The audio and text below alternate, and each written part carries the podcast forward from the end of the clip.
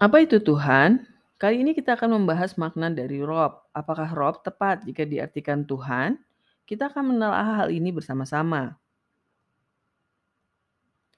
Rob sering kali diartikan Tuhan, padahal kata Tuhan lebih tepat jika dijadikan terjemah dari kata ilah. Jadi apa makna Rob sebenarnya? Rob tepatnya adalah pencipta. Dia mengadakan sesuatu ada dari tiada. Lalu bagaimana dengan dia sendiri? Dia ada dan selalu ada, karena dia tidak sama dengan makhluknya. Rob tepatnya adalah pengatur. Dia mengatur apa pun yang telah dia ciptakan. Mengapa dia mengatur ciptaannya?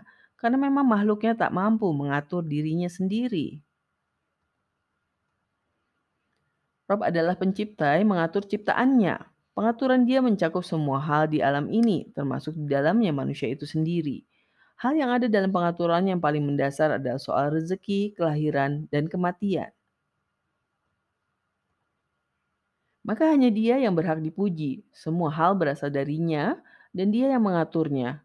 Manusia tidak mempunyai kuasa dalam hal mencipta dan mengatur semua yang ada di alam semesta.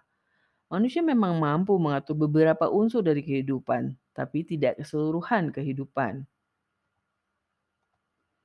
Hanya dia yang berhak diabdi dan dimintai pertolongan. Tentu saja dia memiliki kehendak dalam penciptaan dan pengaturannya akan semua makhluknya. Kehendaknya tidak bisa kita lawan, maka itulah kita pun menundukkan diri padanya dengan mempersembahkan pengabdian dan permintaan tolong hanya padanya.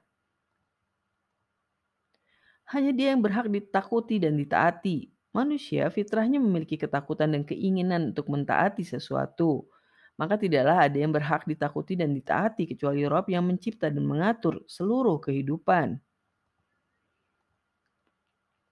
Dia yang mampu memberi petunjuk manusia dalam menjalani kehidupan ini. Rob bukan hanya mengatur fungsional makhluknya, tapi juga mengatur bagaimana semestinya manusia menjalani kehidupan. Sementara manusia tanpa petunjuknya pasti akan tersesat arah, bahkan menjadi yang dia murkai. Dan kepadanya kita bertawakal dan akan kembali. Tawakal maknanya adalah menyerahkan segala urusan kepada Allah Subhanahu wa taala setelah berbuat yang terbaik. Karena manusia memiliki banyak keterbatasan. Kita juga harus menyadari karena kita ciptaannya, maka pada akhirnya kita akan kembali pada Dia yang menciptakan kita. Dia akan memberikan manusia ujian. Manusia selain harus menjalani apa yang telah ditetapkan dia sebagai aturan dalam menjalani kehidupan, juga akan diuji oleh dia agar kita menjalani kehidupan ini dengan mempersembahkan yang terbaik. Dia juga yang memberikan kita pahala, perlindungan, dan pengampunan dosa. Setelah kita diuji, tentu saja dia akan memberikan balasan yang adil dalam bentuk pahala di dunia maupun akhirat.